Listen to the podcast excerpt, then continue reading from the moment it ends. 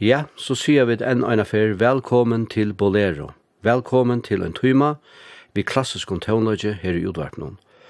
Og som til kanskje hørte, så løtte vi fire vi tøvnløyge fra barokktøyene ved det. Og til vi røysene leie atlan veien i sendingen i Hesefer. Tøvnløygen som vi hørte hever Georg Fredrik Hendel skriva. Hendel var født i Halle i Tysklandet i 1645.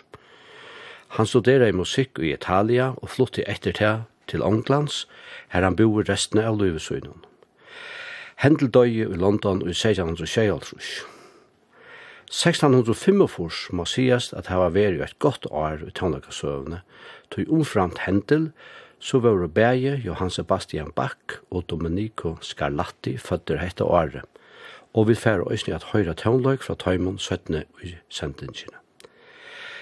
Tøvnagrunn som vi hørte her byrja vi er ur oratorien Salomon tja Hentel.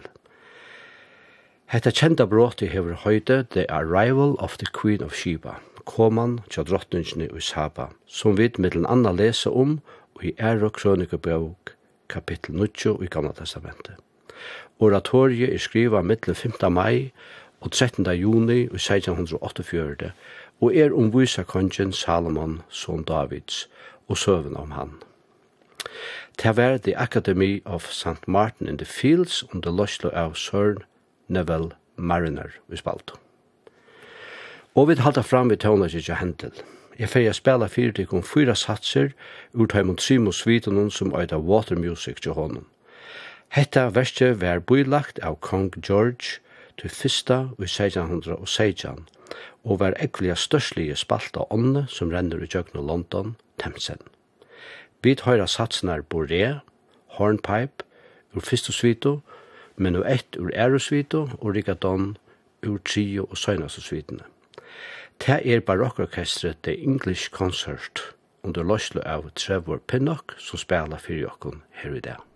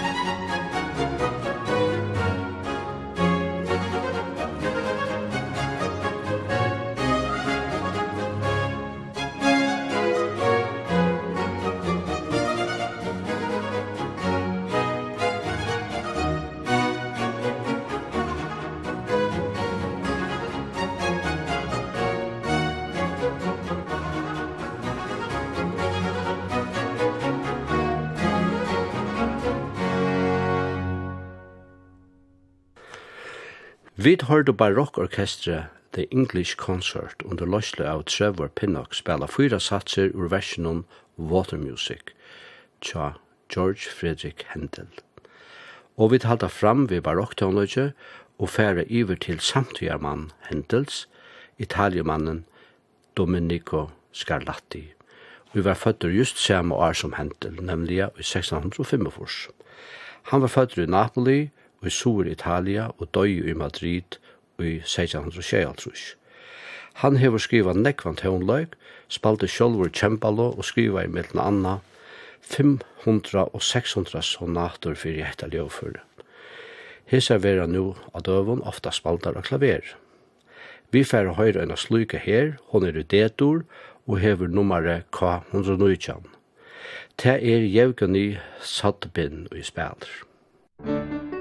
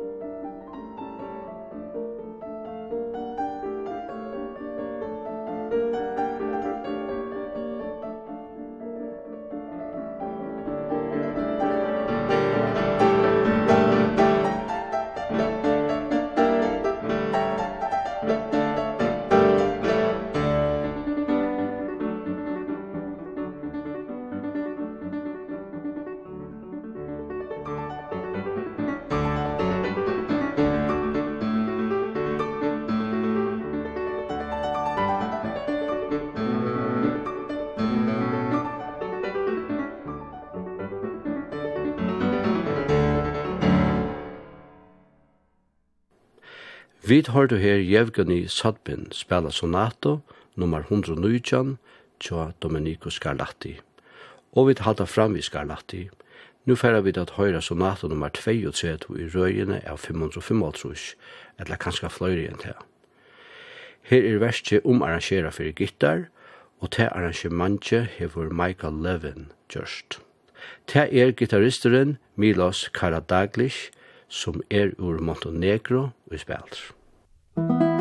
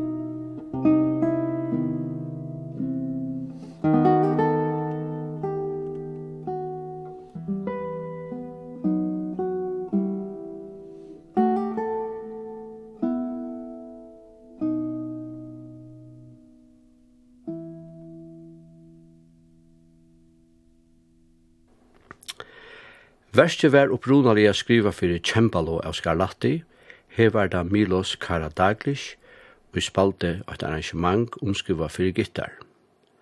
Sujan færa vi at høyre et versk tja barokk tøvnas mye, i sjolver ikkje avur heva spalt tøvna tja i sendingum innom.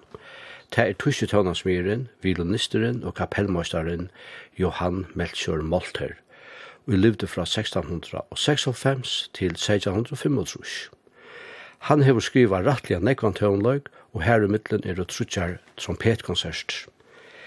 Vi færre i det at høyre hesa fyrste konsertina av Tøymon, og til er Slovak Chamber Orkestra som spiller under løslu av dirigenten hon Bodan Varsjal. Solotrompetina spiller franske trompetløygaren Guy Tavron.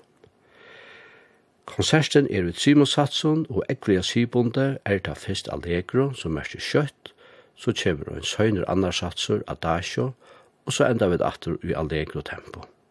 Gjør så vel.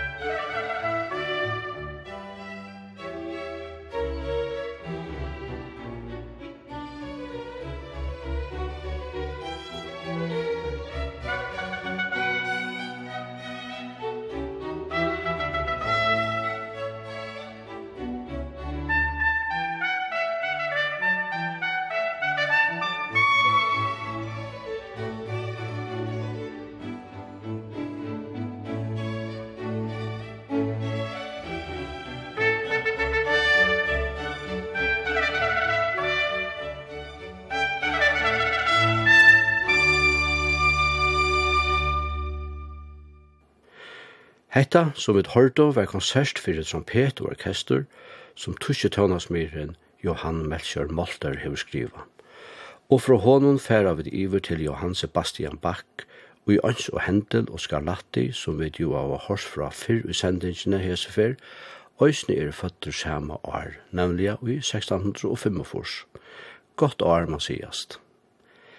Vi færa fyrst at høyra at han etter hånden i hømskjenda uslenska pianisten Vucing Olavsson spela preludium og fuga ur samlingene til veltemperera i klaveret bind 8 tjabak. Vi høyra han spela nummer 2 ur samlingene og ta stendur i semol.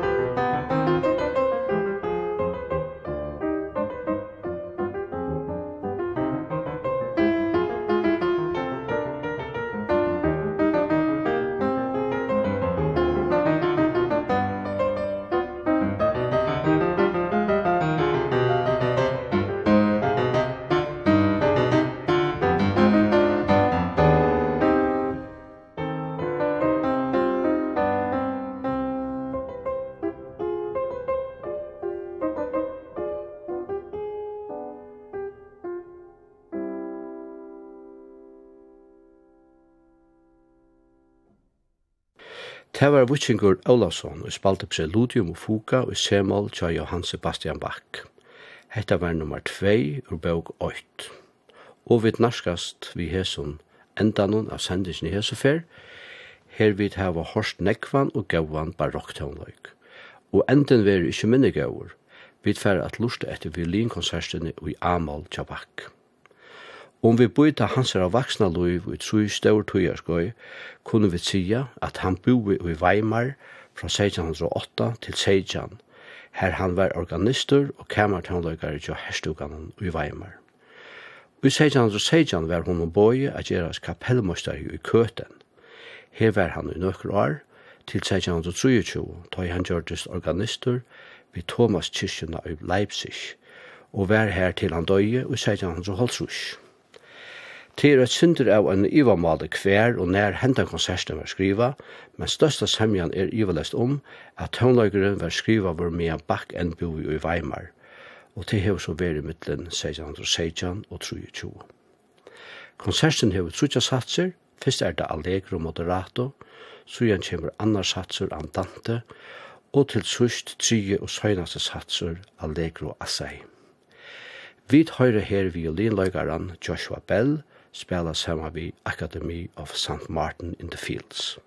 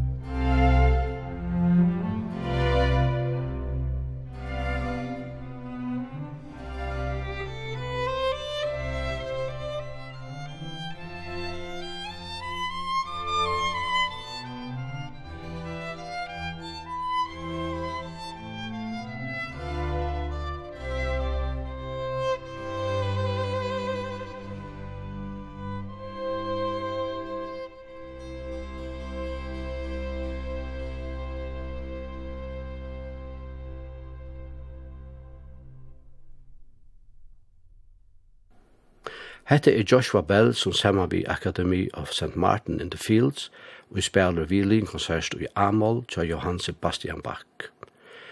Og Arjen vil leggja øyra til tria og søgnast av satsen ferdig er at takka fyrir meg i det her vi hava spalt tånløyk fra barokktøyen. Innskje to at lusta øyna for atre etter hese sendingsne, så vil hun endersend i annakvöld, mannakvöld klokkan 22. Det bør øyne til at høyre sendingene av netten akkurat høyt og vilt. Så skal du bare fære inn og høymasynet til kringvarpen kvf.fo framskak bolero. Her finner du henne. Tekniker i det var Løyver Thomsen, og i øyde egna lekene. Sendingen vil atter kommande sånn og det. Her kommer siste satseren av Velin-konserten i Amal Jabak. Takk fyrir at du lytte av. Thank you.